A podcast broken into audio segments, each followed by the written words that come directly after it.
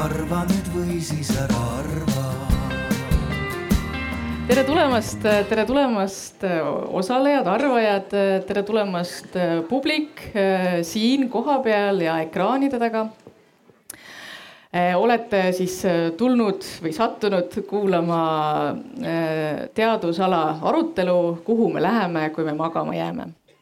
ja kohe alguseks siis ütlen ka ära, et et äh, mitte, et see kogu teema sellest on ajendatud, aga, aga see eesti keeles võib-olla me ei tunne enam ära, aga, aga tegelikult see pealkirja sõnastamine, kui me otsisime pealkirja, siis äh, me saime ka inspiratsiooni Billie Eilish'i albumist äh, Where do we go when we fall asleep. Aga sellise väikse nii-öelda fun fact'ina. Kohe räägime sellest, kuidas arutelu siia ka teemalale jõudis. Äh, mina olen Aija Saakova, äh, olen äh, ametis Eesti Kirjandusmuuseumis vanemteadurina veel praegu, olen kirjandusuurija, aga muidu ka kirgliks vestluste vormi austaja ja seetõttu olen ka seda vestlust siia modereerima sattunud ähm, me teeme, ma teen hästi lühikese tutvustuse ja siis ma annan igale ühele sõna äh, rääkida mm, täiendavalt endast ja, ja, ja sellest äh, lähenemisnurgast. Äh,. meil on äh, Jüri Ennet äh,, arst äh,, kellel on oma vaade, meil on Mare Kõiva, folklorist, meil on äh, Krista Ojasaar äh, luuletaja, kultuurikorraldaja. Ja meil on äh, Neeme Närip, kes on taustalt klassikaline filoloog ja õpetab vana-kreeka ja ladina keelt, keeli äh, eesmärk äh, seda teemat siia tuua on just nimelt äh, selline erinevate valdkondade vaade. ja see teema sündis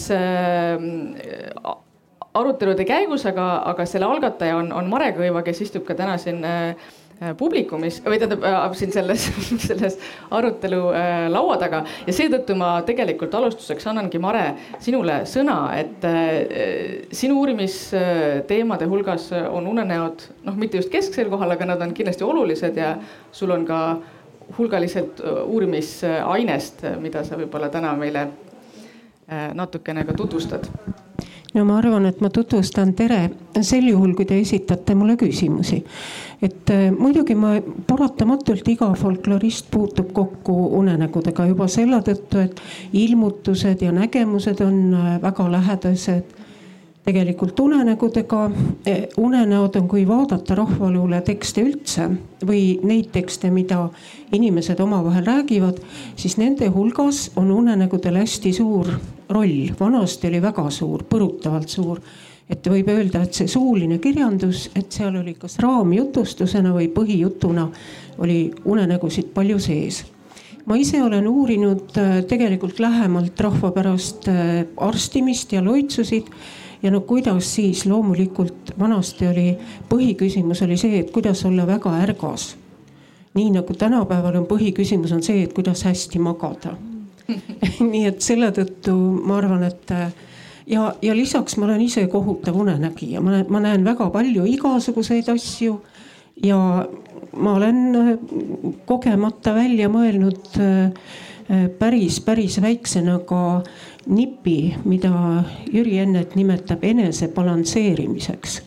ja enese balansseerimine erinevate uskumuste vahepeal on midagi, mida inimene tegelikult peab hästi valdama või õppima valdama, et, et hakkama saada.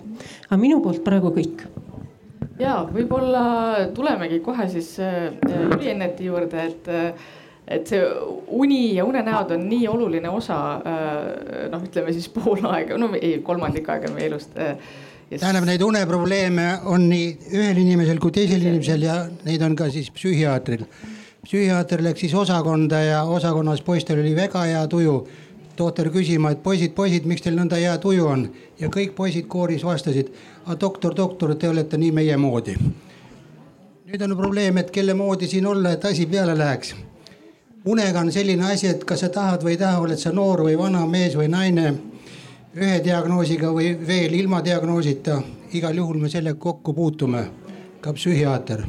mismoodi me kokku puutume? Õhtu on lähedal, hommikuks on selge, kõik Nonii ähm,, läheme edasi selle lühikese tutvustusringiga äh,. Krista äh,, räägi, kuidas sulle unenäod on tähtsad, miks nad on sul tähtsad? no unenäod on mulle tähtsad sellepärast eh, nagu Mare ütles, ta on kohutav unenägija, ma olen samamoodi eh, eh, väga suur unenägija, teadlik unenägija sealhulgas. Ja minu jaoks on see osa loomeprotsessist mm, ma pidasin umbes viisteist aastat unenäopäevikut ja ühel hetkel ma loobusin, sest ma sain aru, et miks ma pean kirjutama kõigepealt selle unenäo ülesse, kui ma saan kirjutada selle kohe luuletusena. et miks see üks vaheetapp sinna veel et ähm, see on minu jaoks loomulik osa, no loomulikult on ta äh, nagu kõigil, eks ole, enesekorrastamise jaoks vajalik ja nii edasi. Aga äh, loomeprotsessis on see tegelikult äh, minu meelest, minu jaoks on ta vältimatu, võimalik, et on neid, kelle jaoks on see kuidagi teistmoodi. aga siis tänaseks festivaliks siis valmistudes ma rääkisin mitme inimesega sellel teemal ja näiteks graafik Lilli Gerud Repnau ütles, et, et äh, seesama seisund, mida ma talle kirjut-, äh, kirjeldasin, et kui on vaja kirjutada pikemaid tekste, luuletsükleid ja midagi, et sa pead selles ühes samas meeleolus olema, see üks ja sama voog, eks ole, mis tekib. Et äh, selline unenäoline seisund või seesama see une järkveloleku vahepealne seisund, kus sa saad kätte selle äh, mingisuguse mm, kujundi, mida sa võib-olla muidu ei saaks et äh, kui siis noh, sul tekib hoopis teistsugused seosed sellises olukorras. et äh, see, kui sa väga keskendunult väga pikka aega ma ütleksin lausa meditatiivselt tegeled millegagi, graafika tegelikult on väga aeganõudev protsess. siis seesama see unenäoline seisund, mis tekib, et, et sedasama seisundit saad ka ise tekitada. et ta ütles, et tema jõudis tänu sellele loomeprotsessile selle lucid dreaming'u juurde, see on samas unenäo kontrollimine, et, et tema jaoks ongi see unenägu nagu elu loomulik osa, et sa saad sealt kätte mingid kujundid, mida sa võib-olla argielus ei kohta. Ja mulle ütles seesama ka eh, kunstnik eh, Henri Hütt, et koreograafias on ka unenäod ja see voog, vooseisund, unenäoline seisund hästi oluline teema praegu et just seesama, et loomeprotsessi osa või see, kuidas, kuidas sa midagi läbi elad, mida sa endast välja annad selle kõige käigus. et äh, sellepärast äh, siis äh, ma julgeks teha mingisuguse üldistuse, et vähemalt osadele loojatele on unenägu või unenäod või uni midagi väga loomulikku, mille põhjal sa midagi teed, kirjutad, maalid ja nii edasi ja ma võib-olla lihtsalt äh, kommentaariks ka omalt poolt, et äh, ka, eks ju, kirjandusega seotud inimesena äh,. Ene Mihkelson, autor, keda, kelle loominguga ma olen pikalt tegelenud, et tema ka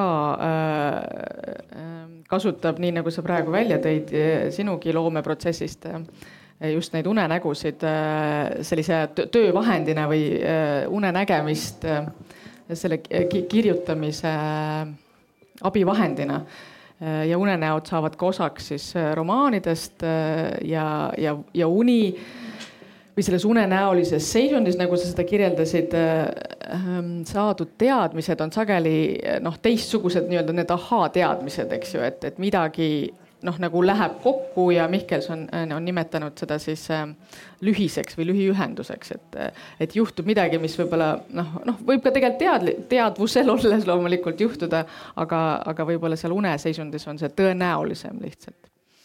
aga, aga läheme võib-olla nüüd Neeme juurde ja äh, sulle sõna lühikeseks tutvustuseks jah, et mina olen siis klassikaline filoloog ja selle tõttu Äh, ma arvan, et minu dis distsipliin on hästi selline tekstikeskne või noh, selles mõttes, et äh, eks ole, nendest vanadest aegadest, vanast kultuurist, mida, mis praegu ei ole nii-öelda enam elavana kättesaadav. Äh, põhiline info tuleb ainult tekstide ja nagu lugude ja jutustuste kaudu. et me saame nagu sellest mõttemaailmast osa ainult selle teksti vahendusel ja ühelt poolt äh, need unenäod, millega mina saan ilmselt täna panustada osaliselt peale enda unenägude, nendega ma saan ka panustada. aga et äh, ütleme, need minu erialased unenäod äh, pärinevad ka, eks ole, kirjandusteostest või siis vähemalt mingit muud sorti tekstidest ühelt poolt.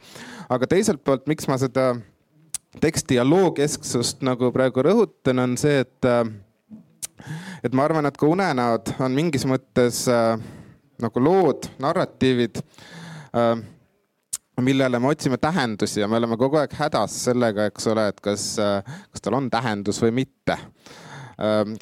ja põhimõtteliselt on need siis lood, millega me puutume kokku isegi enne, noh, enne kindlasti lugema õppimist, aga võib-olla isegi enne rääkima õppimist, võib-olla enne, kui me ise midagi verbaliseerida suudame, on meil juba peas mingi lugu Äh, olgu see nii lihtne kui tahes. aga et siis äh, noh, minu lähenemine sellele unenäole võiks siis täna olla selline äh, lähenemine unenäole kui loole, millel siis võib olla mingi, mingi mõte, mingi sõnum või mitte võib-olla me, siin on mitu ust, kust siseneda, aga võib-olla siseneme niimoodi, et ma küsin nüüd Jüri Ennet teie käest, et siin oli juttu sellest äh, loojate äh, unenägude kasutamisest või, või siis lausa siis sellisest unenägude kontrollida püüdmisest, sellise seisundi loomisest, et äh, aga samal ajal noh, me teame, et ähm, seal võivad olla ka ohud või kas on ohud selles, selles unenäo? kogu, kogu elamine on ohtlik tegevus sünnist surmani lühidalt võttes oleks olukord selline, et inimene saab informatsiooni välismaailmast ja sisemaailmast ja see informatsioon saab siis niisuguse emotsionaalse, emotsionaalse laengu. ja siis pärast hakkab inimene seda analüüsima, et miks see emotsioon oli niisugune ja miks ta oli siis naasugune kuna igapäevane elu on nüüd aktiivne olek ja uneolek, aktiivne ja uni, aktiivne ja uni, unib eh, siis eh, selliste nägudega, mis meelde jääb või selliste nägudeta, mis meelde ei jää ja samad need positiivsed või negatiivsed emotsioonid tulevad ka siis sinna eh, unenäkku. nii nüüd inimene ärkab öösel üles, nägi hirmus tund, higine ja, ja, ja värises. et, et eh, sellest tuleb teha siis järeldus, et organismil on mingisugune probleem kohanemisega, kas siis väliskeskkonnaga või sisekeskkonnaga ja, ja samuti võib olla siis asi positiivne eh,. nii nagu Uku Masing ütleb, et kui meil on religioosne ekstaas, selline seisund, siis on hea loomingut teha. nüüd ongi, et kui me saaksime need unenäod ka sellesse registrisse, et on nagu eh, emotsionaalne või religioosne ekstaas, siis luulesulg jookseb, luule, luulelend läheb kõrgele ja, ja, ja, ja nõnda edasi. ehk eh, see on nagu kaksainsus, virgeolek ja, ja uneolek ja unenäoolek. Eh, see on kõik üks tervik, üks tervik. ja nüüd, kuna me seda eh, uneasja täpselt ei tea ja väga paljusid asju me veel ei tea, siis me saame sealt lihtsalt eh, nükke või informatsiooni. oo noormees või oo neiu, et, et midagi on korrast ära, et siis täpsusta ehk neid asjad, mis seal siis unes esile tulevad, need on nagu sümbolid, mis annavad märku, et tegutse. kui me midagi ei tegutse, siis on, kõik on jälle nii nagu ennegi. nii et selles mõttes eh, unenäodel on üks pool ja teine pool ja meie ütleme hea või halb, aga absoluudil on nii, nagu nad on aga see kogemine, eks ju, et on higisena ülesärkimine, et see on noh, reaalne hirm, reaalne tunne, eks ju.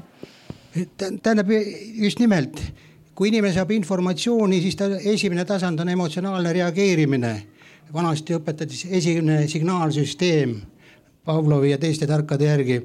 et eh, kui see on ainult emotsionaalne reaktsioon ja me ei saa aru, et kust ta tuleb või miks ta tuleb või kui suur ta on või miks ta naasugune on.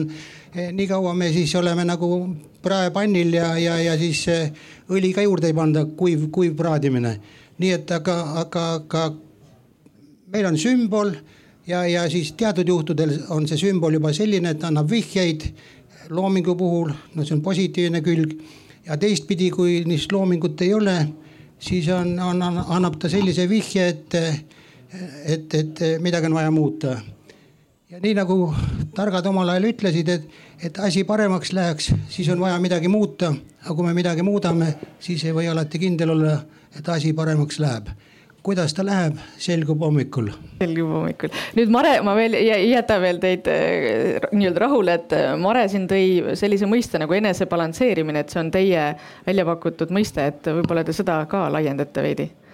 see laiendati mulle nii, et ma ei olnud laiendamise juures. ahaa, olgu nii see on, tähendab veel kord, kui inimene loeb head teksti ja seal tekivad oma mõtted, siis on tekst on hea ja omad mõtted on ka head. hea küll, läheme siis siit praegugi otsekohe Mare juurde. Äh, et äh, võib-olla sa alustuseks seda enesebalansseerimist siis äh, laiendad. tead, võib-olla on asi selles, et väga paljud asjad, mida me unes või une ajal kogeme, on tegelikult noh, uni on selles mõttes unikaalne jutustus või unikaalne looming. esiteks kindlalt ta tuleb sinu seest ja see on üks väheseid jutustamisliike, me võime loomulikult karta hirmujuttu, nii et jube. ja, ja meil on tegelikult teatud kirjandusteosed ja teatud filmid, äh, mis või, või toidud, eks ju, vaatad peale, tead vastik, õudne, jõle ja reaktsioon on täiesti füüsiline. minu jaoks on äh, võib-olla nende unenägude juures ongi hästi võluv, on see, et ta annab korraga nii füüsilise reaktsiooni kui ta mõjub su vaimule. ja nüüd, äh, kui me vaatame niisugust mütoloogiat või Eesti vanausundit, siis seal on, meil on kõigest üks ja veel mõned olendid, kes võivad sind une ajal väga oluliselt mõjutada. ja nende tõlgendus on aja jooksul väga kõvasti mõjunud. kui vaadata tänaseid inimesi, kes satuvad une ajal painaja kogemuse osaliseks. ma tean, et arstid ja ka Ameerika folkloristid püüavad seda une hapnoega ja, ja muude selliste haigusterminitega seletada. aga nüüd minu jaoks on alati on niisugune kuratlik küsimus, et, et vanasti selleks, et sa painaja saaksid sa pead moraalselt või eetiliselt väga valesti käituma. sa pead kellelegi tegema liiga. Sa pead kellegi suhtes olema väga ülekohtune. sa võtad kas äh, temalt midagi ära ja, ja pigem see on selline nooremate inimeste, mitte väga vanainimeste probleem ja kui sa selle lahendad, sa palud näiteks andeks sellelt inimeselt, ütleme, et sa lubasid neiuga abielluda, aga tegelikult leidsid hoopis soodsama, hoopis ilusama või toredama no rääkige mulle, mismoodi läheb unehapno ära. Kui sa vabandad, mitte midagi ei juhtu, kui sa vaatad Eesti või ükskõik millise rahva pärimust, vabandad, oled kena teiste inimeste vastu ja oled haigusest prii ja, või, või näiteks see, ma usun, et mõnedki teist on elu jooksul sattunud sellise kogemuse osaliseks, et kellelgi on tegelikult seesama klassikaline painaja ehk siis inimene vaevleb mingi äh, Äh, mingi nähtuse kallal ja tal on vaja mingit vabanemist, tal on vaja mingit äh, olukorrast väljatulekut. no vanarahvas õpetab seda, et kuula, mida räägib see, kellel on parasjagu painaja kallal. mina mäletan õudusega, kuidas mu vanaema, kuidas mu vanaemal oli painaja ta rääkis tundmatus keeles, olematus keeles. see oli niisugune kohutav mõmin, et kuigi mul oli käsk, et vanaema tuleb jalamaid üles äratada, teda tuleb raputada. no sinna tuppa. selle inimese juurde, kes räägib, ma ei tea, kelle keeles, mina küll minna ei julgenud aga vanaema ise õppis ära teise nipi, et kui sa saad varbaid või sõrmi liigutada, siis see unenägu läheb mööda Krista tahab. ma ei oska neid seletada. kui sa juba räägid rahvapärimusest, siis kuidas on lood nende äh, luupainajatega, et mille puhul on õpetus, et äh, otsi üles, kus seinas on auk ja pane sinna pihlakene pulk ja siis vaata, kes tuleb ja noh, ja kui sul on kena neiu, siis abiellu temaga. saad painast lahti nojah, ainult et sa ei tohi sellele neiule kunagi öelda, kust sa ta said. jah, sest et muidu ta läheb minema sellesama augu kaudu no enne, enne kui me küsime arsti kommentaari nendele küsimustele, võib-olla äh, Neeme, et äh, sul on kindlasti ka kaasa tuua midagi Vana-Kreekast äh,. sa mõtled nende painajatega seoses või kuidagi? mitte ainult painajatega seoses, aga võib-olla on ka painajatega seoses, aga mm -hmm. kuidas unenägusid üldse nagu, mis on nende roll või, või kuidas nad üldse olid olulised, ei olnud olulised, tõlgendati? olid küll olulised jah, et ütleme äh, selliste painajate kohta ma nüüd ei oska väga palju Äh, rääkida, aga et põhimõtteliselt äh, nende jaoks oli oluline äh, see noh, unenäo sisu või noh, põhimõtteliselt unenäod olid ikkagi ennustusvahendid. ja nagu üks oluline punkt oli vahet teha nii-öelda ennustusunenäol ja siis mitte ennustusunenäol või noh, nagu et eks ole ähm, ähm, me näeme ilmselt kogu aeg mingeid unesid, aga teatud unedest siis tasub neid äh, sümboleid otsida.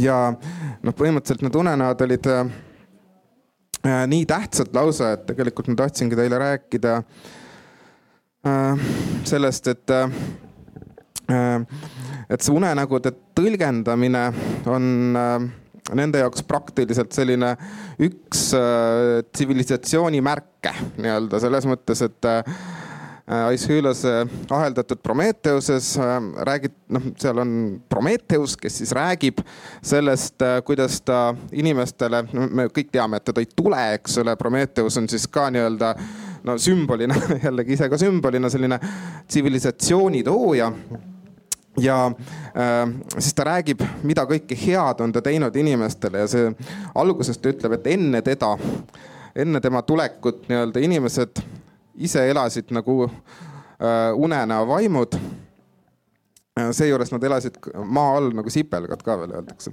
aga et siis äh, tema tõi inimestele igasugused kunstid. noh, kõigepealt mainib ta, ütleme arvusid ja noh arvutamist, arvu noh matemaatikat ja kirjatähti. üsna ruttu läheb ta ka selle juurde, et ta õpetas inimestele seda et ähm, millised unenäod nii-öelda täide lähevad või nagu unenägude mingis mõttes tõlgendamine ja ütleme siis eristamine äh, või noh, ennustamine unenägude põhjal. nii et siis äh, ütleme, näib, et teatud mõttes on selline unenägude äh,, unenägude tõlgendamine üks selliseid, ma ei tea, tsivilisatsiooni protsessi äh, verstaposte, et noh, nagu see on seesama, miks ma alguses ka sellest narratiivist või loost rääkisin. Ähm, ähm, ja selle loo nii-öelda mõtte leidmisest, et see on nagu umbes meie kultuuri üks äh, tegevusi, kultuurilisi tegevusi ah,. ja mis puutub nendesse unenäo äh, kujudesse, siis äh, nagu ma ütlesin, neid painajaid ma praegu kohe välja tuua ei oska, et on küll mõned siuksed sümbolunenäod, mis on, näevad väga koledad välja või noh, nagu kus on koledad sündmused juhtuvad. küll aga need äh, äh, isikud, kes äh, nii-öelda ennustusunenägudes meile tulevikku räägivad, need on ka nagu reaalsed no ütleme, sellised konkreetse kujuga isikud, enamasti on nad kas meie sugulased või, või tuttavad.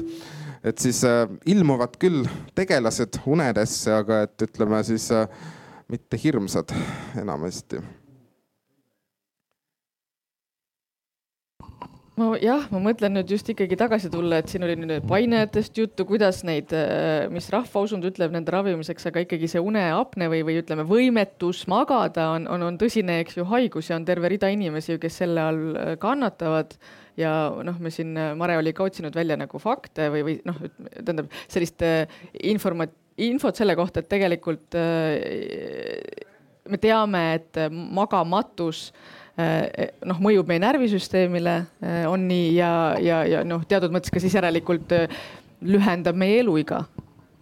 No, lihtne, lihtne on nagu kiigemudel, et kui me kiiget lükkame sinna aktiivsuse pooles, et rohkem tulemusi saada, ka loomingut lükkame, lükkame, lükkame, siis ühel hetkel enam ei jõua lükata koolipoiss enne kooli minekut juba teab, et kiiget tuleb ka sinnapoole ehk puhkuse poole, une poole lükata. Ja siis, kui need on tasakaalus, siis asi, asi toimib. Nüüd on nende unehäiretega, need on mitmes lehes ja siin ei ole selline asi, et tuleb tohtri juurde kollast tabletti ja siis on kõik korras. kui tal oleks ainult üks põhjus ühe tabletiga ja need mured murtud, eh, siis oleks asi lihtne asja tuleb vaadata laiemalt. Jung ütles, et inimesel on probleemid, siis ta nagu mõraneb ja et neid mõrasid kokku panna, selleks on vaja terve rida variante. üks on siis mandala, ühed on siis nagu need äh, mingid muud märgid, mütoloogia, kirjandus ja nõnda edasi, nõnda edasi. me peame saama ühe abivahendi, et see mõranenud isiksus, ahaa, mütoloogias oli nii eh, kõik vägev suudab. ilusas loomingus ja, ja luules oli selline, et ihukarvad tõusevad rõõmust püsti. tähendab, me leiame selle abil variandi, mida teha ja täpselt samasuguse variandi peab siis leidma iga patsient eh, või kellel unehäired on. et ei piisa ainult, ainult eh, sellest eh, unerohust unehäireid on väga palju, tähendab see arv, mis te teate, korrutage kahega ja liitke veel kaks ja siis jääb ka veel osa märkimata. nii, nüüd on see. probleemid on siis nagu mitmekihilised, mitmekihilised ja, ja kui me nüüd esimene tohtrina alati vaatan, et äkki on mingisugune haigus, et põlegu uneaeg, aga ta on nagu unes ja siis äh, ajab neid, neid ära. patsient läks ka tohtri juurde ja ütleb, näe, hüppavad ja kargavad siin, tohter ütles, ära aja minu peale. Tähendab, äh, siin on nüüd lugu selline, et et need häired tekivad mitmel tasandil ja, ja kui me nüüd meelepetteid vaatame siis kõigepealt tekivad kuulmise meelepetted. Ja kui juba nägemused tekivad, see näitab eriti suurt eh, psüühika, psüühika probleemi, näiteks deliiriumi puhul, deliiriumi puhul kuidas nii tarkade asjade juurde jõuti. enne teist ilmasõda oli lugu selline, et targad psühhiaatrid ja väga targad patsiendid siis eh, suhtlesid haiglas. ja, ja siis tark psühhiaater nägi, et kui on epileptik, krambid, või siis teine patsient on siis eh, skisofreenik. et kui on epilepsia, siis skisofreeniat ei ole teada on hea, aga kui sa seda teadmist ei kasuta, siis mina ütlen, noh õpetatud jobu. aga kui sa oled nii, et hakkad nüüd seda kasutama, siis ahaa, skisofreenilised protsessid või niisugused psüühikahäired, et oleks vaja tekitada krampe ja siis tekitatigi krampe algul siis arstirohuga, pärast tekitati siis insuliinkrampravi, insuliinkrampravi ja EKR, mis nüüd on elektriimpulssravi, seda kasutatakse kuni tänase päevani. ehk teiste sõnadega see probleemistik, ka unenäod ja nende, nende olemus eh, ei ole ainult ühe tasandi peal, vaid ta haarab kogu psüühikat ja kogu psüühika ja keha, see haarab kogu ühiskonda ja jõuab sinna siis jumalusteni välja ja loomingu tippudeni välja ja nõnda edasi, nõnda edasi. Minu jaoks on siis see unenägu või, või, või siis see läbielamine, ta on impulss selleks, et Jüri, hommikul ärkad ülesse, sa pead midagi, midagi siis ette võtma või tegema. mul on siis voodi kõrval niisugune sama ilus lauakene, seal on siis üks raamatukene, mida ma täna loen või teine raamatukene, mida ma homme loen ja seal on ka siis sulepea ja siis, kui öösel siis ketrab, ärkan üles, ma panen sinna ühe niisuguse märgi maha või ühe sõna. see tähendab seda, et hommikul ma pean selle probleemiga tegelema. Endale selgeks tegema, kas see on nüüd probleem minus või ühiskonnas või nendevahelises eh, suhetes. ehk selle ringi küsimusi võtame kokku selliselt, et eh, me otsime põhjus me võime leida, eks ole, viiskümmend asja niipidi ja viiskümmend asja naapidi. kas lahutada või mitte lahutada, minna tööle või mitte minna, kas kandideerida presidendiks või ei kandideeri presidendiks või midagi teha, et tõstaks rahval palka, ei tõsta. Tähendab, niikaua kui me kõigume, kõigume, see on psüühiliselt kõige hullem variant. kui sa ennem haige ei ole, siis haigeks alles jääd. ehk reegel on selline, et tuleb võtta vastu otsus otsus, see otsus võib-olla ongi natukene vale antud hetkel, pärast selgub, et oli päris hea. aga otsustamatus tapab ära. ehk nüüd hommikul ärkame üles, siis tulebki, aju hakkab tööle, siis eh, tulebki siis hakata otsustama, mõne asja saab ruttu selgeks, mõnda asja tuleb siis spetsialistiga konsulteerida ja siis otsustada ja, ja teha. see oleks nüüd üks, üks, üks probleemide ring teine probleemide ring on siis, et eh, mismoodi me siis sinna Eh, sinna unemaailma lähme, unemati või unekati juurde. see on sama lugu nagu kui me nüüd pilli mängime, et mis helistikus mängime, laseme leina variandis või, või, või, või, või, või nii. tähendab, millises eh, süst-, hoiakus me sinna, sinna unele lähme, see on väga tähtis ja sellest tulenevalt me siis suudame neid juhtida või, või, või ei suuda. ehk siit tuleb järgmine asi, et kuidas, kuidas seda siis juhtida. nüüd, kui me tuleme jälle selle ärkvelolek ja uinumine ja nõnda edasi, siis on lugu selline, et need murdepunktid enne uinumist või hommikul pärast ärkamist, et need on psühholoogiliselt kõige-kõige magusamad kohad.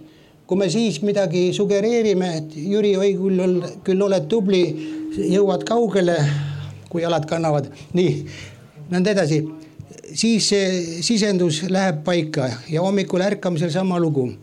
et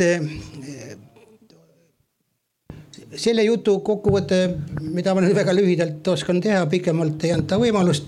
nii et on nüüd selline, et oleks vaja teha siis nagu öeldakse, see, mis võtmes hakkama tegema. ehk, ehk tuleks teha nagu mingisugune rituaal usklik palub, eks selle, nii nagu Panso ütles, oo kallis jumal, kui sul vähegi aega on, aita üles leida need kalossid, mis ma jokis peaga ära kaotasin ja kui sul veel aega üle jääb, aita, aita siis ka, et tütar mehele saaks. see on nüüd üks variant. teine, teine variant on, et kui ma usklik ei ole, siis tuleb see rituaal ise välja mõelda mõtlesin päeva, mõtlesin kaks, Seevaldis on päevad pikad, läks kümmekond aastat mööda ja välja mõtlesin, ütle ohohoo, nii, nii. ja, ja mõtlesin selle välja ja lugu on nüüd selline, et koolis meil õpetati ühte teadust ja teist teadust ja siis äh, õpetati ka Ivani. Ivani tunned või ei tunne? saad kohe teada. Ivan oli nüüd selline mees, kes iga hommikul läks tööle, töökoht oli Nobeli preemia laureaat tuhat üheksasada neli tema oli Ivan ja läks tööle ja tööl oli temal kutsa. liigutab saba ja kõik ja puha ja temal oli siis lihatükk kaasas, andis liha ja pani siis ilitsi lambikese põlema. lihalamp, lihalamp, lihalamp. nii, seda me oleme kõik viiendas või kaheksandas klassis või ülikooli esimeses anti-, antiigipoisid ainult seda ei tea, seal olid teised tegelased nii, et, et lihalamp, lihalamp, lihalamp. ühel hommikul Ivan ärkas üles, hakkas tööle minema. abikaasa, ütleme nimi Veera, nimi muudetud, süüa ei andnud. Ivan läks tööle, kõht oli tühi, grillis liha ära, sõi ära, pani lambi põlema, kutsal ila jooksis nagu oleks saanud liha. see on nüüd äh, Pavlovi refleks, aga on olemas Pavlov enneti refleks. see on nüüd selline, et annad tableti, teed harjutust, tableti teed harjutust, teed tableti, teed harjutust. tabletid on kallid, annad pool tabletti, harjutust, siis jätad tableti päris ära, teed harjutust ja organism reageerib nagu oleks saanud liha või nagu oleks saanud tabletti. see on ilma naljata, nii ta on tähendab, et kui me tekitame nüüd endale sellise rituaali, kui see juba toimub, siis panete talle oma nime. aga niikaua kui ta veel ei toimi, siis on enne Pavlovi refleks Jüri iga õhtu teeb seda, tunnistaja on seal taga olemas, aga varjub mikrofon väriseb, mina ei värise, nii. et, et see on üks rituaal. Ja teine rituaal on, kui me unest välja tuleme hommikul, siis tuleb ka sisendus, sisendus panna ja, ja, ja, ja, ja, ja siis sellesse eh, päeva, päeva minna. siis on, sisenduse puhul on siis selline mõte patsient läheb siis eh, tohtri juurde ja, ja küsib, et noh, et eh, millest me alustame. tohter ütleb, et alustage päris algusest ja päris algusest siis oli, patsient ütleb, päris alguses lõin ma siis taevad ja maa. aga see oli nüüd vanaaegne, nüüd on uuem variant uuem variant, et küsitakse ka, et millest me alustame, siis on nii, et praeguse teadmiste juures alustada tuleb suurest paugust. kuulsid seda või? Suurest paugust. Ja suure pauguga on lugu selline, et kajab kuni tänase päevani. Ja, ja see oli kolmteist koma kaheksa miljardit aastat tagasi. keegi rehkendas ära. Ja, ja, ja nüüd hommikul siis ennast seda häälestamisel tuleb teha siis selliselt, et eh, mõtled kolmteist koma kaheksa miljardit aastat tagasi see kosmos hakkas paljunema siia-sinna, siis tulid imetajad, ime, et me sattusime siia maa peale ja nõnda edasi ja siis veel isad-emad ja siis kakssada miljonit seemnerakku. et see on imede, imede, ime, et me üldselt olemas oleme. see on imede, imede, ime, et me üldselt olemas oleme ja kui me seda igal hommikul tunnetame, et ma olen elus, siis pead olema õnnelik ka selle halva unenäoga. jah, see on see tänulikkuse küsimus jah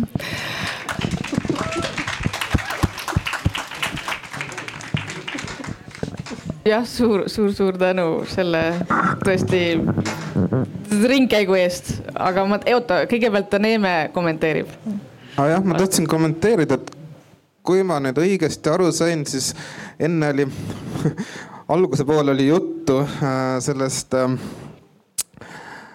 lahendamata probleemidest, eks ole, ja nende seostest siis selle halva unega või selle öise painajaga või mingite mõtetega, mis äh, peas ringi käivad.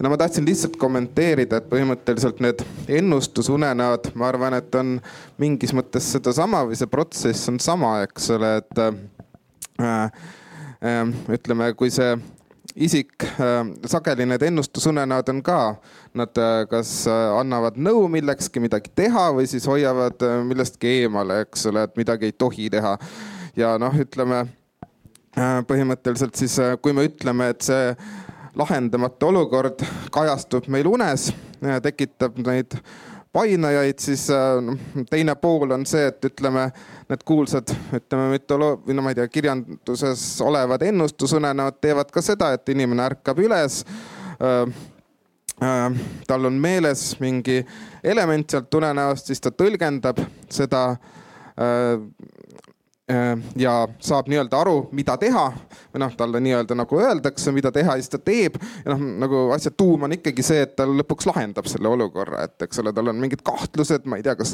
rünnat-, minna rünnakule kusagil või mitte. ja siis, kui on unes mingi ilmutus, siis ta teab, et nüüd on õige aeg. et ähm, lihtsalt ähm, ütleme selle lahendamata olukorra äh,, seda saab tõlgendada ka selle ennustusunena võtmes Krista? mul on äh, Neemele kõigepealt küsimus. Ähm, kas antiikkirjandus on vihjeid kuidagi sellele, mismoodi nemad painajatega toime tulid? Äh, no äh,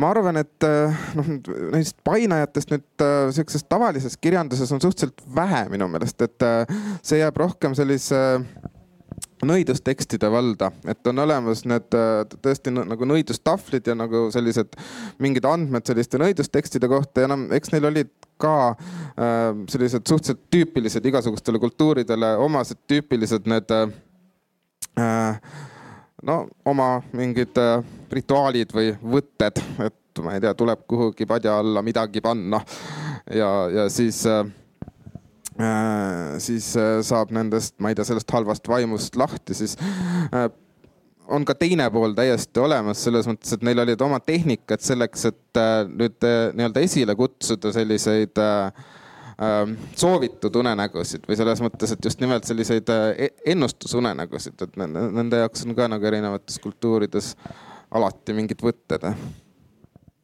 no kuna mina esin-, esindan nüüd siin seda niisugust, mis see siis on, meie kõik siin tädi Maalist kuni, kuni väikese lapseni, siis meie viimane küsitlus kaks tuhat kaheksateist, mis oli tegelikult siis äh, kaheksa kuni üheksateist aastaste Eesti noorte hulgas, vastas kolm tuhat seitsesada noort ja me saime teada midagi täiesti uut. no üldiselt on nii, et tavaliselt küsitakse ju noorte ja õpilaste käest, küsitakse otseses mõttes, et mis laule sa tead, mis nalju sa teed ja noh, midagi niisugust, mis klassikaliselt on rahvaluule.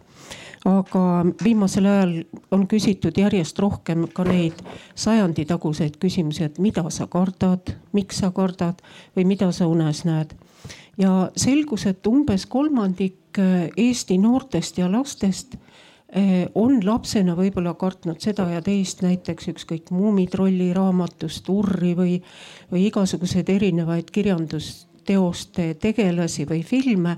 aga üks kolmandik tegelikult äh, on sügava hirmu üle elanud iseenda unenägude peale. ja hästi iseloomulikud olid ka need unenägude kirjeldused, need on külluslikud selles mõttes, et sealt leiab nii kaunist äh, filosoofiat, kunsti, no ühesõnaga kõike.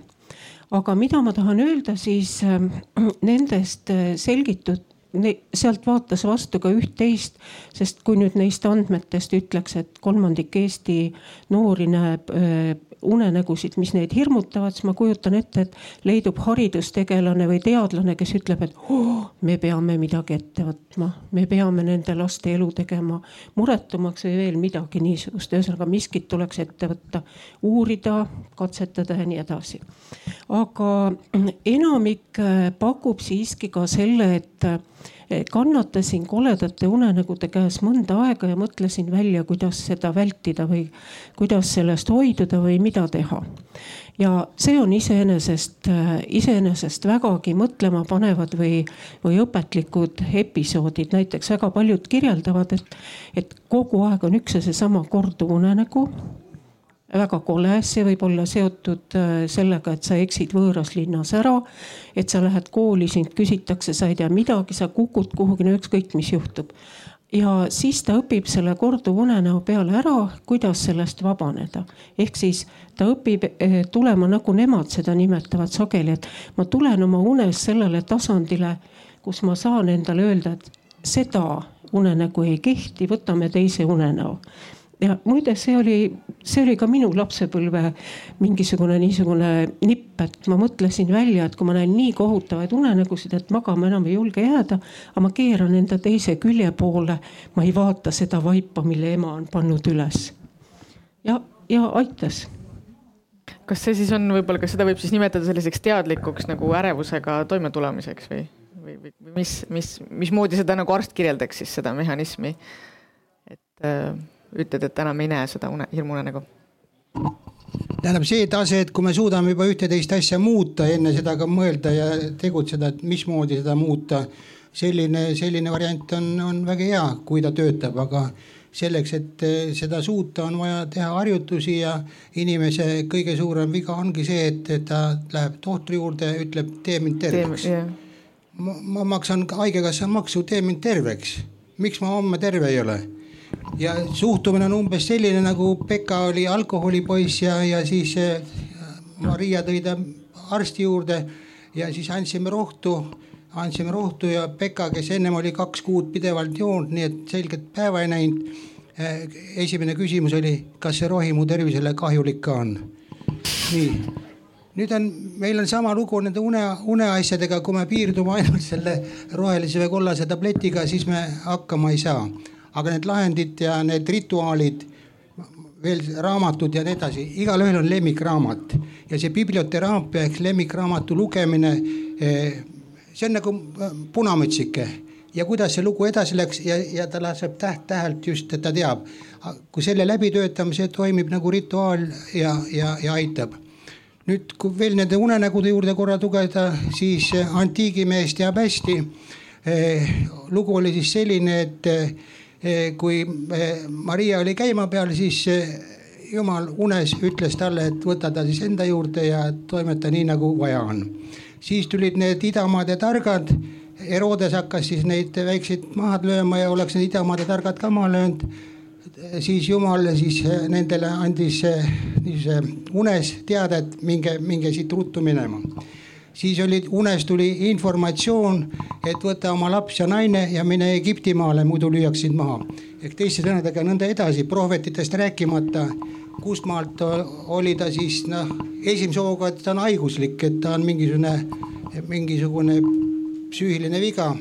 aga, aga, aga, aga kui ta on juhitav, siis ta on prohvetlik ja, ja, ja nii nüüd, kui me tuleme veel nende asjade juurde, prohvetlikud asjad ja nende suurusluulud ja muud luulud, siis siiani me oleme pidanud seda noh haiguseks ja teatud juhtudel ta haigus ongi. minu kõige suurem proov või see soov on, on see, et töötada välja meetod, kuidas teha seda suure suurusluulu, sind, sind ja sind ka, sa juba oled peaaegu suur, habe kasvab. nii et, et, et siin neid probleeme on palju, lemmikraamatust lemmikraamatust. et igalühel on lemmikraamatud ja viimasel ajal tulevad palju, kus siis mees üks ja Asman, väga vägev vend mõnus, kes ei ole lugenud, lugege. et, et, et ta annab printsiibi, kuidas üldse probleeme lahendada, kuidas asju mõtestada ja, ja. Jan Asman või kellest praegu? Jan jah mm -hmm. ja Mooses, egiptlane Mooses. aga nii, igal raamatus on oma tera ja luule on kontsentraat, sealt saab, sealt saab, sealt saab. antiik on koolis natukene õpetati, vähe õpetati, aga nüüd on, nüüd on, ma ei tea, miks. antiik on palju tarkust täis. näiteks me räägime palju õnnest, et iga inimene on sündinud siia maailma selleks, et olla õnnelik. Nikomachose eetika antiigist toimib tänase päevani, iga rida on kulda väärt, iga rida on kulda väärt. nii et, et samuti need unenägude asjad ja, ja unenägude diagnoose on olemas, et albuni, heauni, uinumise raskused, ärkamise raskused. põhimõtteliselt on nad siis funktsionaalsed, seal on nagu neid kaasavaid tegureid piiratumalt ja siis on orgaanilised unehäired. Need on juba siis kaunis rasked unehäired on sada üks protsenti, sada üks sellepärast, et eh, kellel täna ei ole, homme tuleb, ärge muretsege eks ikka igaüks on oma elus ilmselt kogenud neid, neid hetki, aga võib-olla ma teen sellise väikse nagu, võib-olla jõuame, tuleme tagasi nende mm, suurushullustuse küsimuste juurde, aga ma tahtsin teha nagu sellise väikse pöörde ja pöörduda tagasi selle juurde, mida Krista, sina alguses siin äh, avaldasid, et oled pidanud äh, unenäopäevikut, mis oli viisteist aastat, eks. et see oli ikkagi muljetavaldav äh, aeg ja võib-olla natukene noh, vastavalt sellele, kuidas sa tunned äh, ja soovid, aga et mis, mis selline aeg oma unenägusid kirja panna, et mis see on sulle andnud või, või mida sa nägid selle aja jooksul, mis muutusi või, või kuidagi natukene räägi sellest. Ja esiteks andis see teadmise, et ähm, teatud sorti unenäod äh, tulevad kogu aeg tagasi et ma sain aru, et ma tegelen sisimas kogu aeg mingite samade probleemidega, see andis mulle selle teadmise, et ma pean veel millegagi tõsisemalt tegelema, sest muidu see unenägu, ebameeldiv unenägu tuleb minu juurde jälle tagasi. et äh, see andis mulle väga hea, esiteks nagu ma ütlesin, on see loomevahend olnud teiseks on see väga hea eneseanalüüsi vahend ka, sest et, et kui niipea kui teadvustad, et tegelikult eh, mingisuguse probleemunena taga on sinu eneses mingisugune rahulolematus, mingi ebamäärus, otsustamatus, mis iganes. et kui sa seda ära ei lahenda, siis sa näed seda nii kaua, kuni sa tege-, noh, pole, ei ole tegelenud sellega. aga mida see mulle veel andis, oli, ma hakkasin aru saama, et äh, sellest äh, oma unenägude kujundi keelest ja ma võtsin selle üle, ma hakkasin seda kasutama siis oma luules. ja ähm, äh, see kujundi keel on selline, noh, ma ei saa väita, et, et äh, seda pole keegi teine kunagi varem kasutanud, ma ei saa öelda, et ma olen leiutaja või midagi sellist, aga et. sest et noh, kui mõtleme sürrealistide peale, siis nad äh, kasutasid ka suhteliselt sarnaseid meetodeid, eks ole. teadvuse vool ja unenägudest laenasid väga palju et äh, see, mis äh, unenägudest äh, tuleb, on väga ootamatud kujundikeel, väga ootamatud seosed, teised assotsiatsioonid tekivad. sellepärast, et su vaim on mingis mõttes kammitsetud unenäos teistmoodi kui ärkvelolekul, samas ka tegelikult teistmoodi vaba. et sul olen tähele pannud seda, et unenägudes sul on mingisugused piirangud, et sa ikkagi väga vabalt ei mõtle. kas sa oled ehmatanud iseennast ka oma unenägudes, et? Äh, ja sellepärast, et, et äh, nagu unenäos mulle näiteks äh, ma olen, ma olengi tajunud mingit piiratust, et just nagu oledki mingi loo sees, et sul on nagu mingi karakter ette kujutatud, noh, et sa saad aru, et sul on mingid silmaklapid lihtsalt. ärkad üles ja mõtled tükk aega, miks ma ei teinud seda, teist ja kolmandat, eks ole, sest et tegelikult ma oskan seda probleemi lahendada, aga unenäos on täielikult silmaklapid.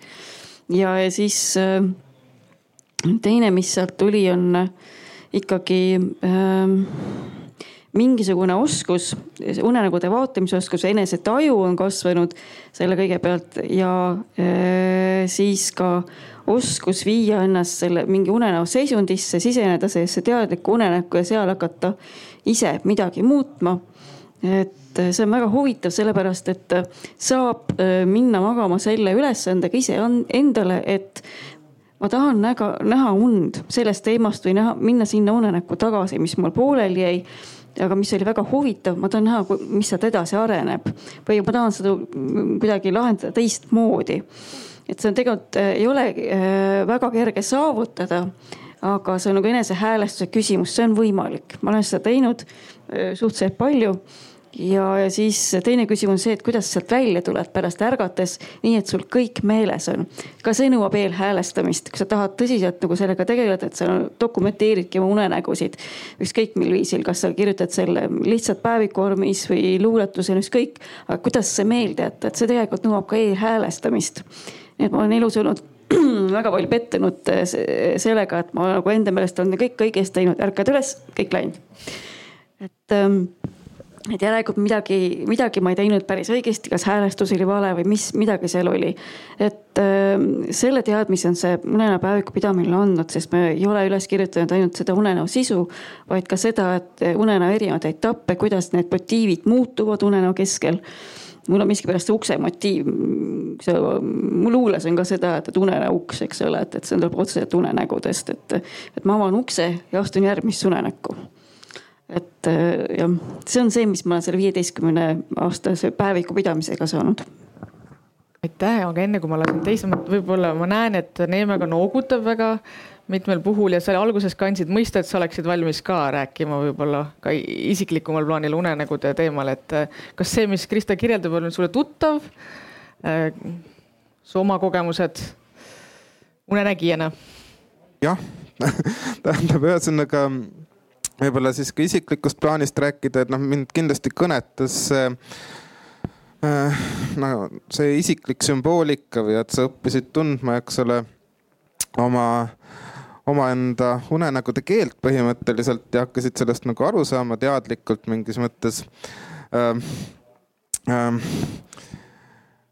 mina ei ole nagu sellist põhjalikku tööd teinud, selles mõttes, et ma ei ole oma unenägusid äh, pikalt üles kirjutanud ega analüüsinud, aga et äh, mida ma nende unenägudega põhimõtteliselt teen, on see, et aeg-ajalt, kui on mingi äh, selgelt meeles olev unenägu, mis kuidagi tundub väga oluline, siis ma üritan nagu noh, umbes kohe pärast ärkamist äh, Äh, luua peas mingid assotsiatsioonid, et kui mul on seal unes, noh, nägin mingit äh, noh, kasvõi seda ust, millest sa räägid või, või mingit äh, treppi või ükskõik mida, eks ole, et siis ma üritan välja selgitada, millele ma esimesena mõtlen, kui ma seda ette kujutan, et mis lisa, no millega see mul seostub nii-öelda.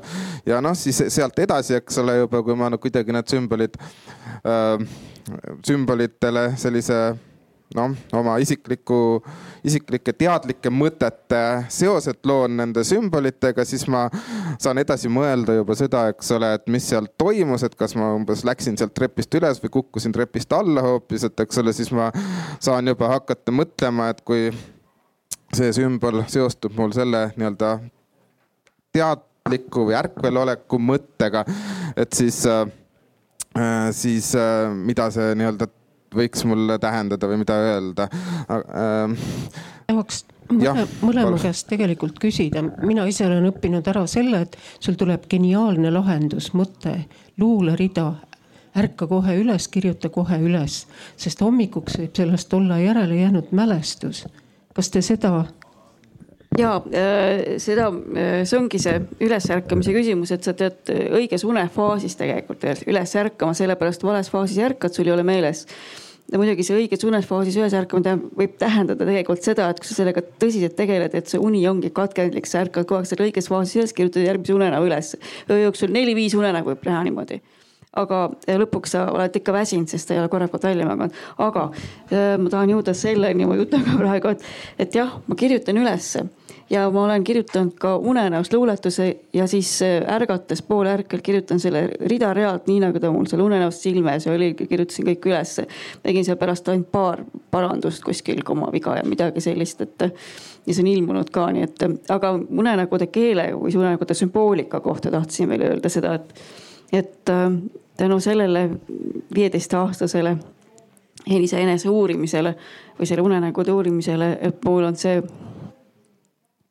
nii-öelda see unenägude keel niivõrd käes, et ma suudan kirjutada ka täiesti argisest sündmusest sellise luuletuse, nagu oleks see olnud unenägu, et, et ma olen seda testinud vahel publiku peal, et, et väga, ega ei ole väga hästi tegelikult aru saada, et, et kas see on nüüd olnud unenägu või mitte, et, et tulen selle, et see viisteist aastat on mul olnud väga hea õppimise aeg. aga ma tahtsin küsida Neeme käest. sa ju kirjutad ka, et kas sa unenägudest novelle kirjutad? Ahaa, hea küsimus ja, ja äh,. mis ma mõtlen Äh, kas seal on midagi unenägudest olnud? ja ma arvan, et jaa, põhimõtteliselt küll. aga ma tahtsin selle unenäo keele kohta öelda, et mind vist ennast nagu painab tegelikult see küsimus, et eks ole, me räägime unenägude puhul sümbolitest, märkidest nii-öelda. ja noh, üldiselt äh, traditsiooniliselt meie jaoks need äh, märgid on nii-öelda kokkuleppelised, eks ole, et meil on nagu noh ma ei tea, et kui me sõbraga kokku lepime, et vot selline märk tähendab seda, et siis on sellel märgil tähendus, aga et noh, nagu muidu see märk nagu otseselt äh, äh, ise väga selgelt enamasti ei viita sellele, mida ta nii-öelda tähistab. aga et siis nagu ongi küsimus, et kellega me nagu unenäo puhul, nende sümbolite puhul oleme kokku leppinud või noh, see pigem meenutab, eks ole, nii-öelda võõra keele õppimist selles mõttes, et me saamegi rääkida unenägude keelest. jällegi, et ütleme, mingi muu rahvas on omavahel kokku leppinud või välja kujunenud, eks ole, et äh, see sõna või see sümbol tähendab seda ja meie siis saame nii-öelda kõrvalt selle selgeks õppida äh, ja ka nagu vallata seda keelt. aga et siis äh, jällegi, et kes see muu rahvas on meil seal unenägudes, kes, kes selle keele nii-öelda on loonud või kellel see keel on kujunenud üks, üks selline küsimus vahepeale.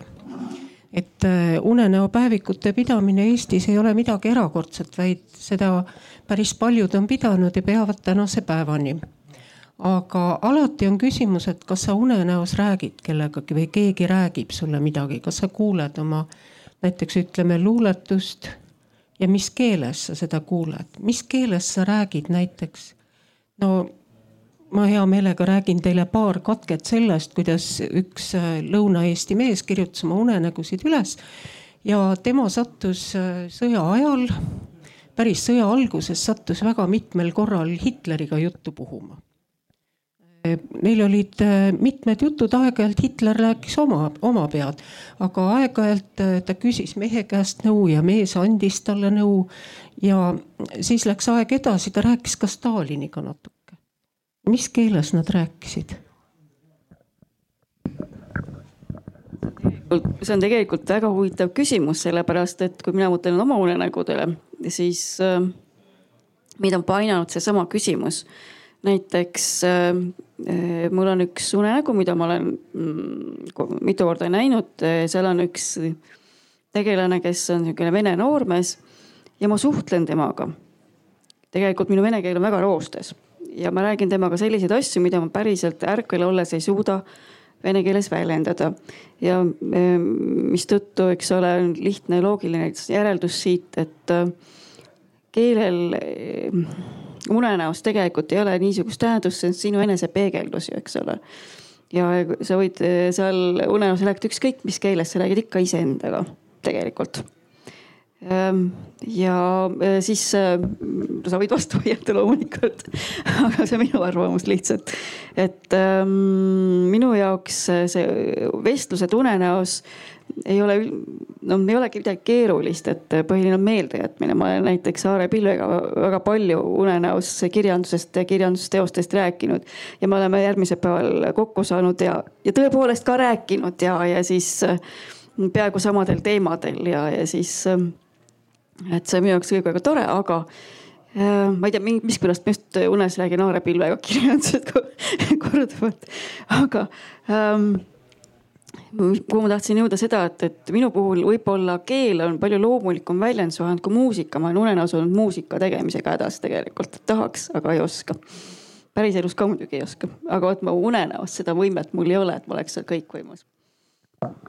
Jüri, kes? vist, vist siin unenäo puhul siis kehtib äkki see vana tõdemus, et äh, nii nagu me saame rääkida Jumalaga või Jumal räägib meiega oma keeles, jah.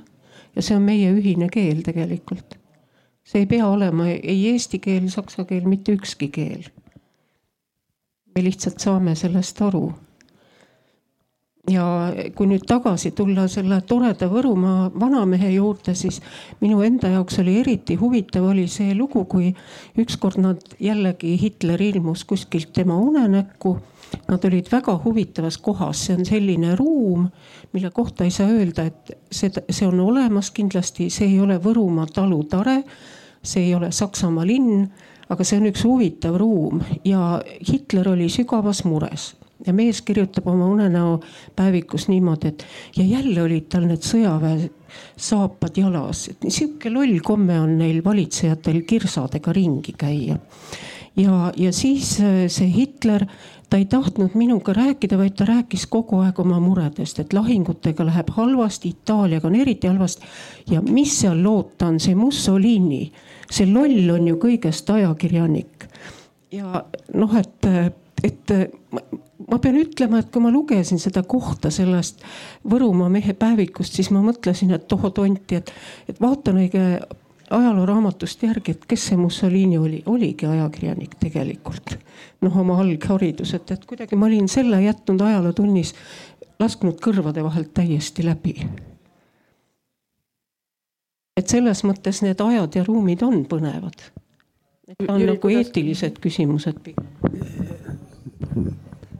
päevik, päevik on selline asi, mida siis kõigi unehäirete puhul kõik tohtrid ütlevad, et seda on vaja äh, täita. päevikut täites me saame oma mõtteid korrigeerida ja sealt teha siis väiksed järeldused, mis on esiplaanil, mis on tagaplaanil ja siis see kõige-kõige-kõige olulisem kirja panna.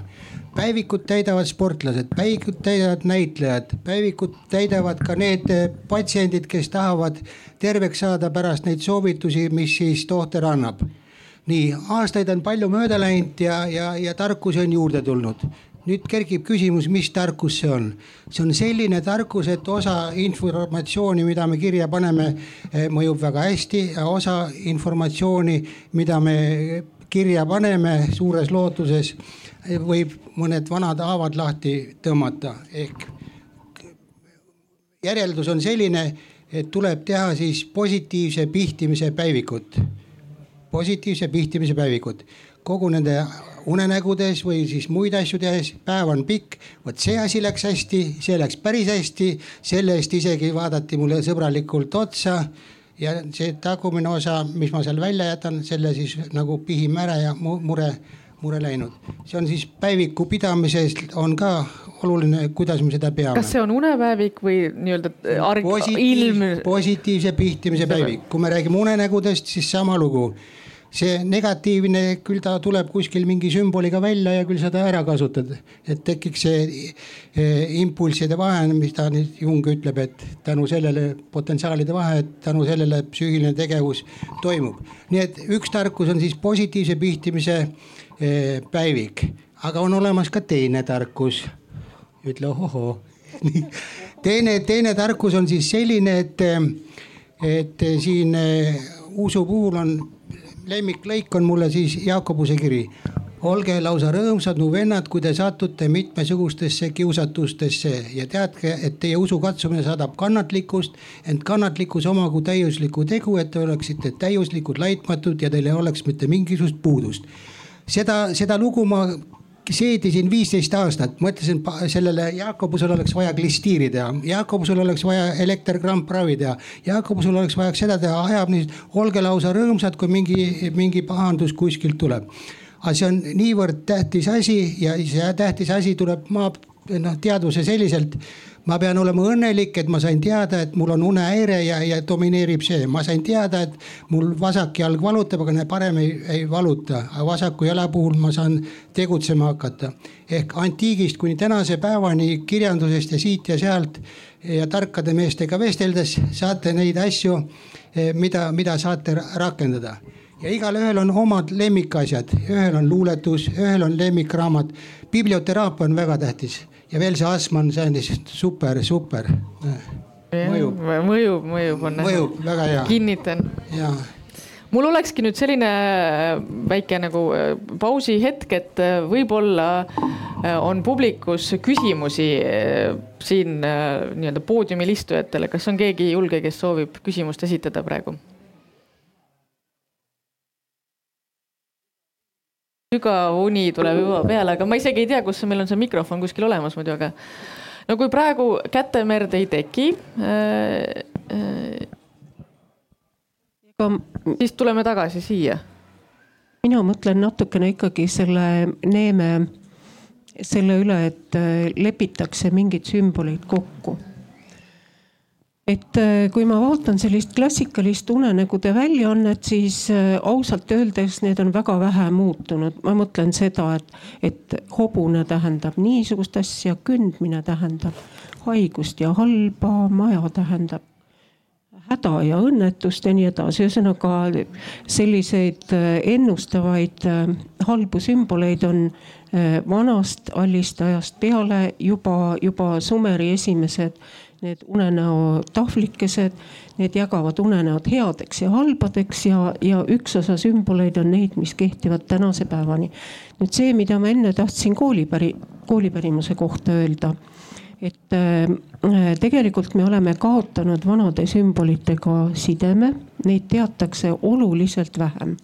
ja sageli see tekitab ka vaidlused. no ma võin öelda, et klassikaliselt, kui vanasti keegi tuli vastu, kes oli surnud, siis see tähendas ainult tormi, vihma, lumesadu, eks ole. praegusel ajal, kui sa seda ütled, inimesed saavad hirmus pahaseks ja ütlevad, sellel peab olema suurem, sügavam tähendus ja nii edasi.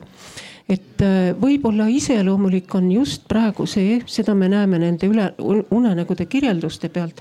Nad on fantaasiaküllasemad, nad on väga mitmekihilised ja seal mõnikord ei olegi mitte selgeid sümboleid, vaid mingi lause või mingi argument, mille üle hakatakse vaidlema. et ma ei tea, kas te olete nõus, seda näitas meie see päris noorte inimeste niisugune kogu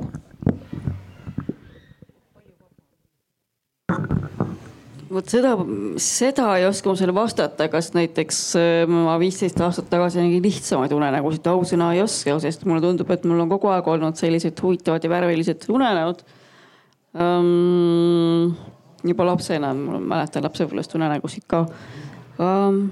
ma ei oska sulle öelda, kuigi ma olen nõus sellega, et tõenäoliselt ikkagi see, mis meid äh, kõvasti mõjutab, on meid ümbritsev kultuur ja küllap see on ka meie mõtlemist ja ettekujutust väga palju mõjutanud, et äh, selles mõttes ei ole ju midagi imestada, kui ka lastel unenäod on palju värvilisemad, äh, hoogsamad ja nii edasi, et, et küllap nad seda kõike on kusagilt näinud ja õppinud, aga et ma mõtlen seda praegu siin, et äh, see unenäo sümboolika, nagu sa ütlesid, unenäo seletajad või, või mis iganes.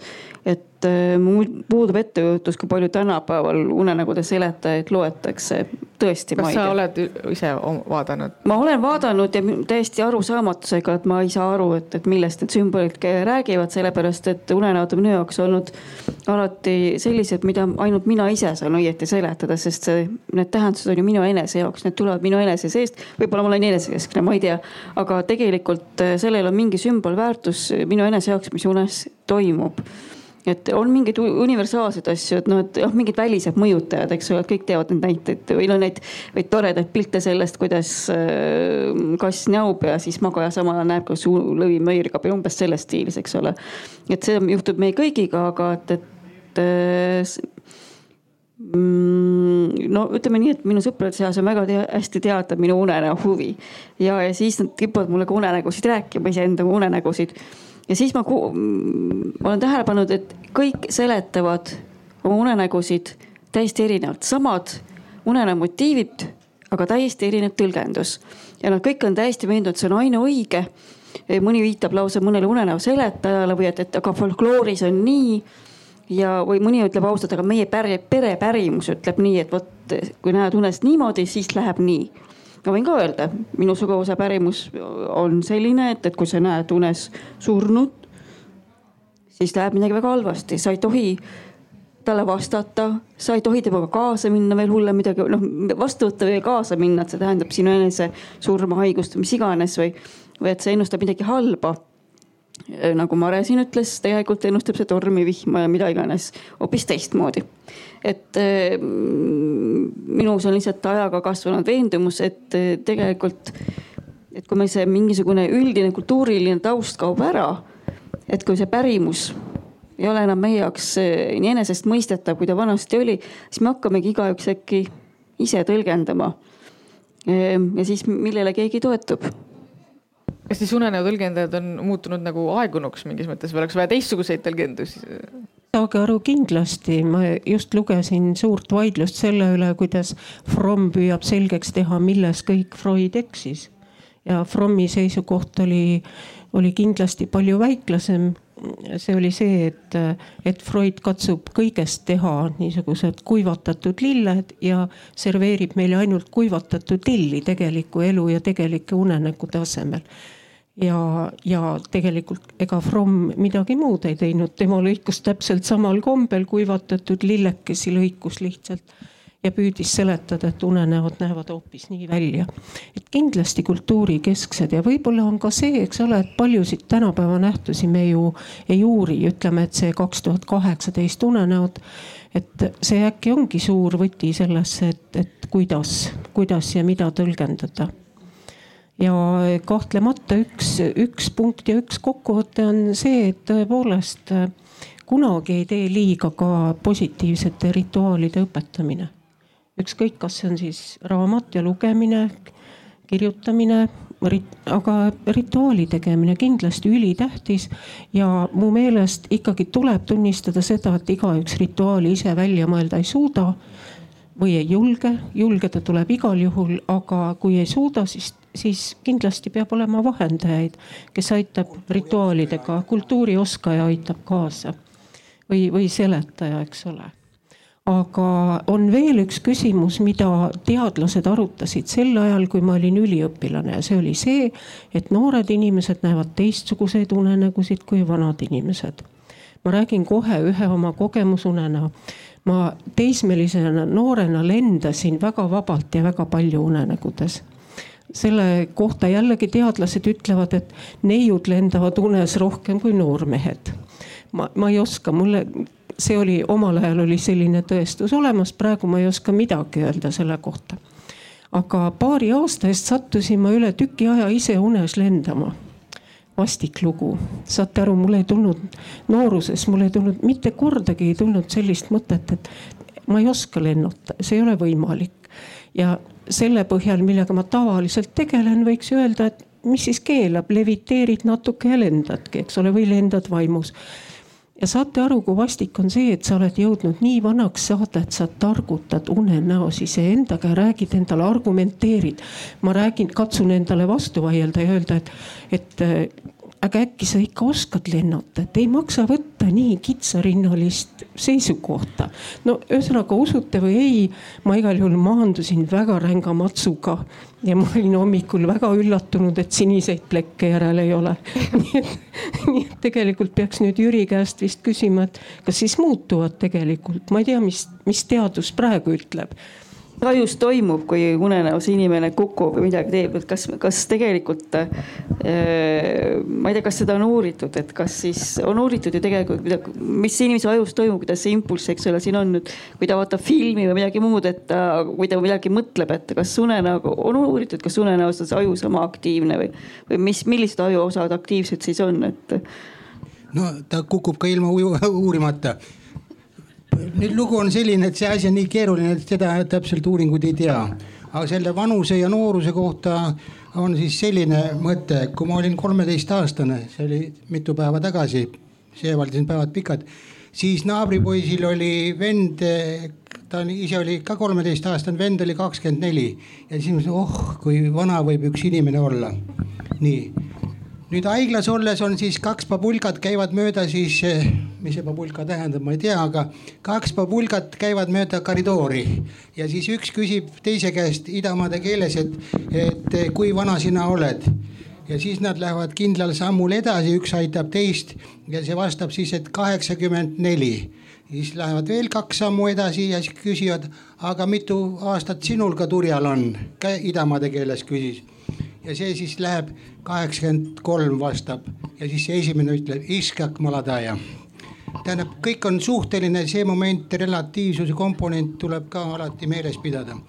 aga nüüd on selle targa jutuga tuli siin välja see asi, et asjal on mitu tasapinda ja mitu kultuuriline, religioosne, antiikne, kaasaegne, noored, vanad ja nõnda edasi, nõnda edasi. asja tuleb näha tervikuna.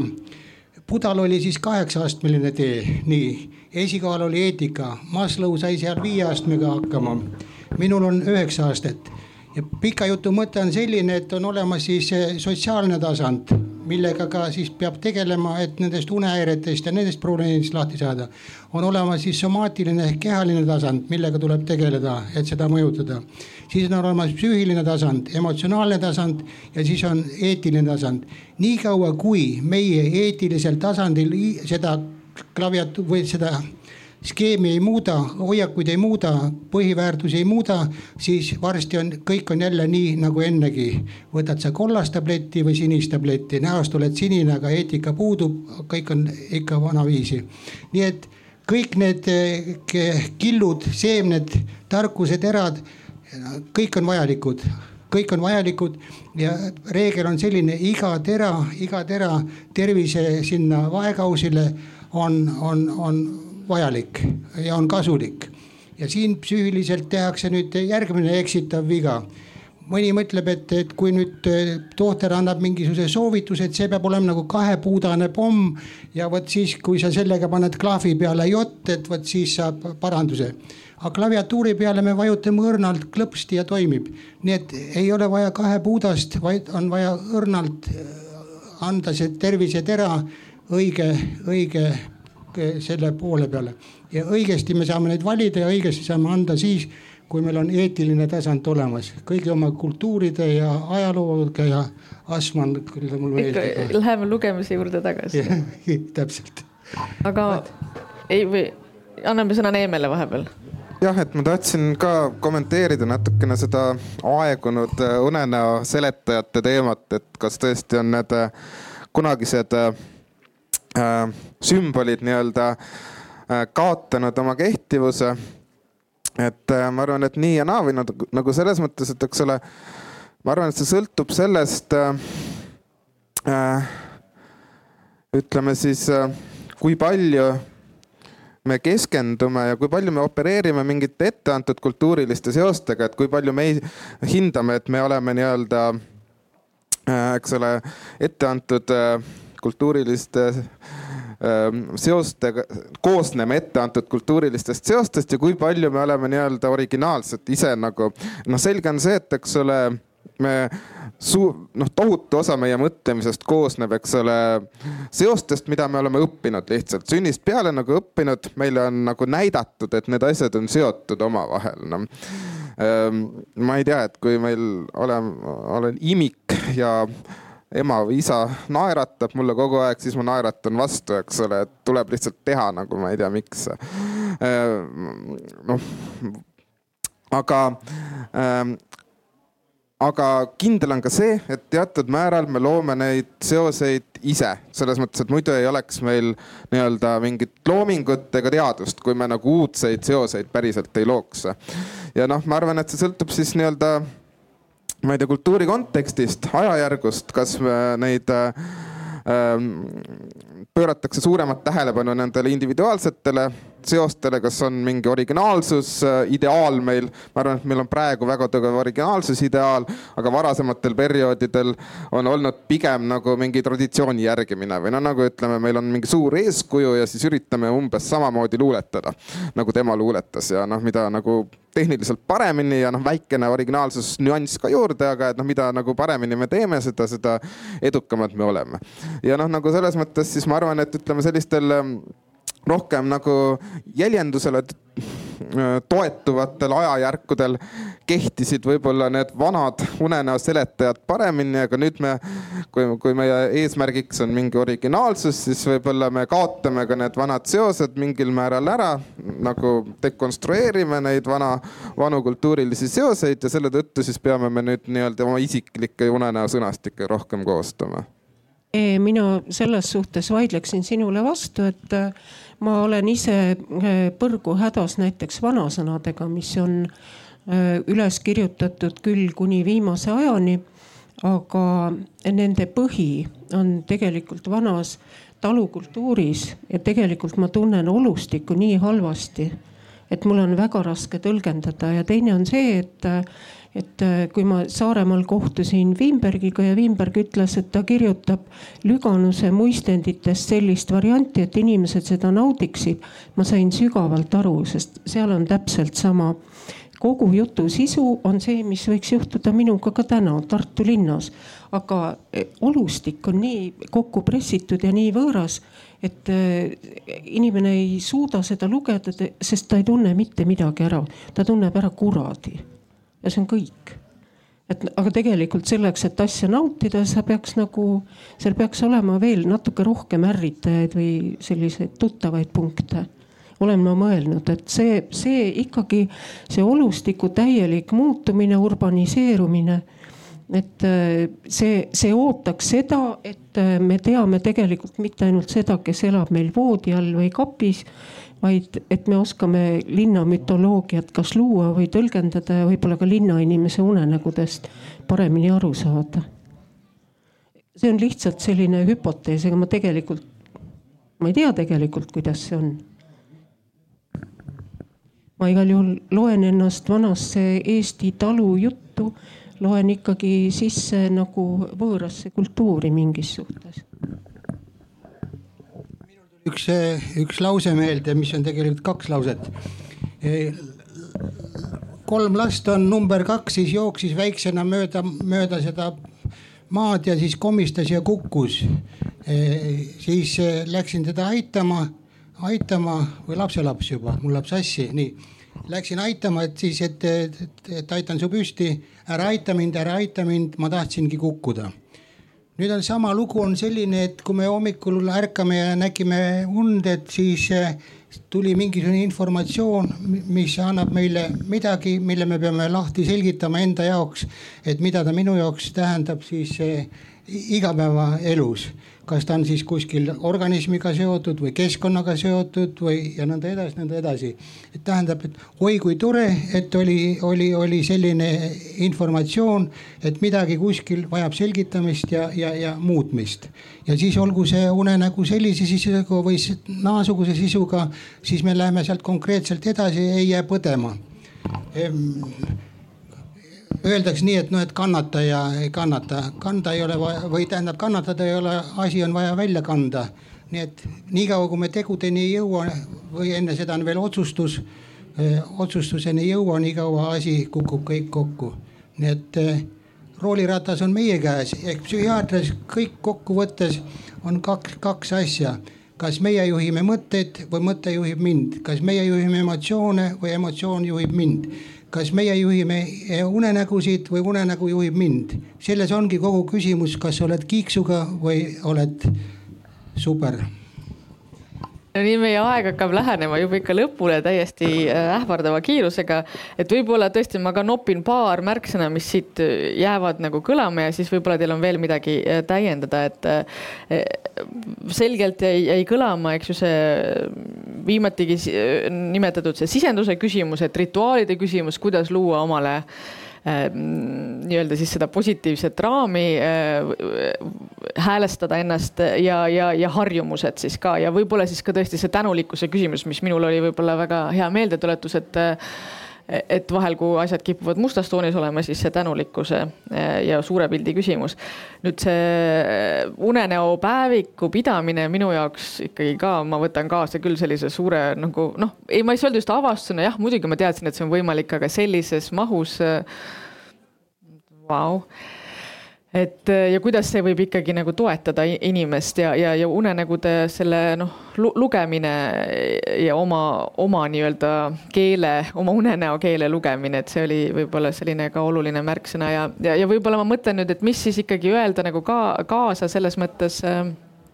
äh jah, võib-ollagi kõlasid juba need, et, et ma ei tahaks nagu hakata siin ravima neid noori, kes hirmu, hirmuunenägusid näevad, et see on vist ikkagi loomulik elu osa, et äh, tahtsingi kukkuda ka mingis mõttes, et see on vajalik.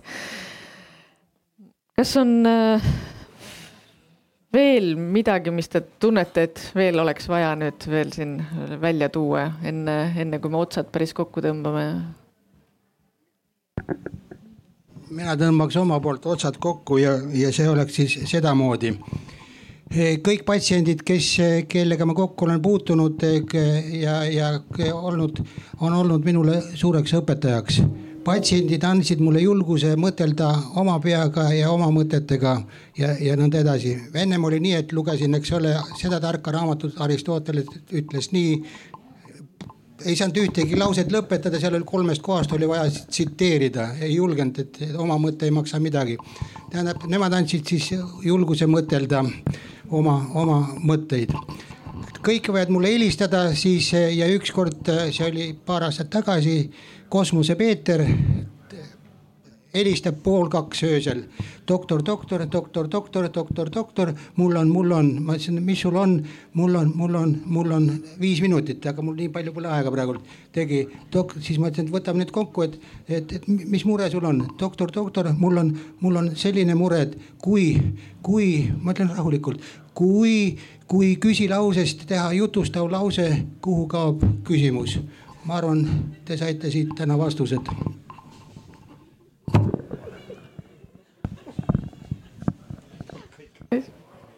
Mare, kuhu me läheme, kui me magame siis? ei, me läheme väga mit mitmele poole ja lisaks sellele, kuigi neuroteadlased ütlevad, et unenäod ei tähenda midagi, unenäod ei ennusta mitte midagi. ma võin öelda, et unenäod ennustavad päris mõndagi, nagu Neeme tegelikult mitmel korral viitas, vägagi palju ennustavad ja, ja mul endal on näiteks, ma ei tea, kas rääkida, seda ma Kristale juba rääkisin tegelikult auto peal see puudutab unenägude seletamist, muidugi tuleb unenägudest rääkida ja kui keegi küsib, räägi julgelt ja kui sa oma arust tähendust tead, ära ole viisakas ja räägi ikka. nimelt äh, mind jäi eluks ajaks painama see, et äh, ma olin juba sihuke teadlase hakatis ja mul oli üks hea noor sõber, tallinlane Äh, kelle esivanemate hulgas oli tõesti teadjaid ja nõidu ja tal oli üks niisugune unenäomäng ühega neist. Saaremaalt pärit poiss, Tallinnas kasvanud õppis ajakirjandust ja tuleb ühel päeval mu juurde, ma teadsin, ta käis ja rääkis iga kord, kui ta oli selle nõiast või targast vanaisaga rääkinud ja vanaisa mängis temaga unenäos niisugust saatanlikku mängu. et ma annan sulle kõik oma asjad üle ja ükskord me läheme koos ja ma annan kõik sulle, need on ühes kindlas kohas ja natukene enne mägimatka tuleb see poiss niimoodi särades mu juurde, ütleb, tead, tuli mu juurde öösel ja ütles, et lähme koos ja ma nägin unes, kuidas me läksime. ma läksin temaga kaasa, aga ma kahjuks ärkasin üles, ma pean järgmine kord vaatama edasi. ja see on ainukene kord elus, ma tegelikult väga hästi ei oska ma just nimelt ei oska seda traditsioonilist keelt, aga vaat selle, seda tähendust ma teadsin. ja ma mõtlesin, et kuidas ma ütlen oma sõbrale, kes on mägimatka õhinas, ütlen, et kas sa tead, et sa saad surma. sa läksid selle targaga kaasa, ta ei anna sulle midagi. ta andis sulle selle teadmise, et ole ettevaatlik ja kahju küll, aga ta kukkus tõepoolest mägimatkal alla. see oli niisugune noh, uljas laulmine ma ikka ütlen, et Euroopas on palju pudimägesid, tema läks ühe pudimäe servale laulma, kukkus alla, sai surma. ja teate, kui mage tunne on, istud seal oma äh, teadlaskabinetis ja mõtled, et äh, võib-olla oleks ikka tasunud teise inimese tuju ära rikkuda ja öelda talle, et ole ettevaatlik, sellel on niisugune tähendus, et äh, sa võid hukka saada nii et äh, kasvõi sellele, aga väga paljudele arhiivilugudele tuginedes ma ikkagi ütlen, et, et toredad neuroteadlased, aga tegelikult need unenäod võivad mõndagi sulle rääkida mõnikord. ikka tasub neist rääkida. rääkida Niime? jah, et ma ka ütleks lõpetuseks nii palju, et no põhimõtteliselt äh, doktor Jüri Ennet ka mainis küsimust, et kas äh, unenäod juhivad meid või meie juhime unenägusid ja eks ole, see küsimus on ka seotud nende selle unenägude läbi ennustamise või ennetega äh, unenägudes, mis kreeklastele nagu väga tähtis oli. siis ma tahtsin veel rääkida ühest nagu keerulisest juhtumist nagu ka Kreeka kultuuris. nimelt siis see, see unenäo motiiv või noh, jutt pärineb hoopis Kreeka retoorika teooriast, et seal on õpetus selle kohta noh, mingite asjade kohta, mille üle saab nii-öelda vaielda ja mille kohta mitte, eks ole, retoorika kui ütleme poolt vastu argumenteerimine. ja siis on nagu ter-, seal on selline liigitus teemadest, noh või nagu temaatikast või mille üle nagu saab vaielda ja siis on ka näited nagu sellistest olukordadest, mille üle ei saa vaielda. ja no vot üks näide on siis, äh, käib ka une kohta, et ähm, seda vist nimetatakse selliseks apooriaks põhimõtteliselt väljapääsmatuks olukorraks, eks ole. ja näiteks on siis see, et kui Aleksander näeb unes ähm, ennustust, et unenägusid ei tohi uskuda. nagu no tüüpiline sihuke valetaja paradoks, eks ole. aga et, et äh, see on asi, mille nagu üle ei ole võimalik nagu arutleda poolt ega vastu nagu, et ähm, see on siis see, millega ma võib-olla tõmbaks otsad kokku. ja, ja mina tõmbaksin otsad kokku ühe väikese elupildikesega äh, kirjanike äh, aasta koosolekult on juba kõik ametlik osa läbi, kõik aruanded on kinnitatud, vaba vorm. ja siis äh, jätan nimed nimetamata äh,, sest kõik on tänini elu ja tervise juures, keegi pole halba ennustatult näinud. aga et äh, siis üks noorem kolleeg siis räägib vanemaga, räägitakse kirjanduselust ja siis see noorem ütleb, et küsib vanemalt, et kas sa ka kirjutad nii, et, et enne magama jäämist ja enne ärkamist ja unejärg veel algab vahepeal ja siis vanem kolleeg ütleb talle, tead, aga see ongi ju põhiline no nii, aga suur tänu äh, teile, suur tänu publikule ekraanide taga, suur tänu Neeme Näripe, Krista Ojasaar, Mare Kõiva ja Jüri Ennet. no me pärast ei andnud enam ruumi selleks. küsimusi võib esitada pärast ka veel.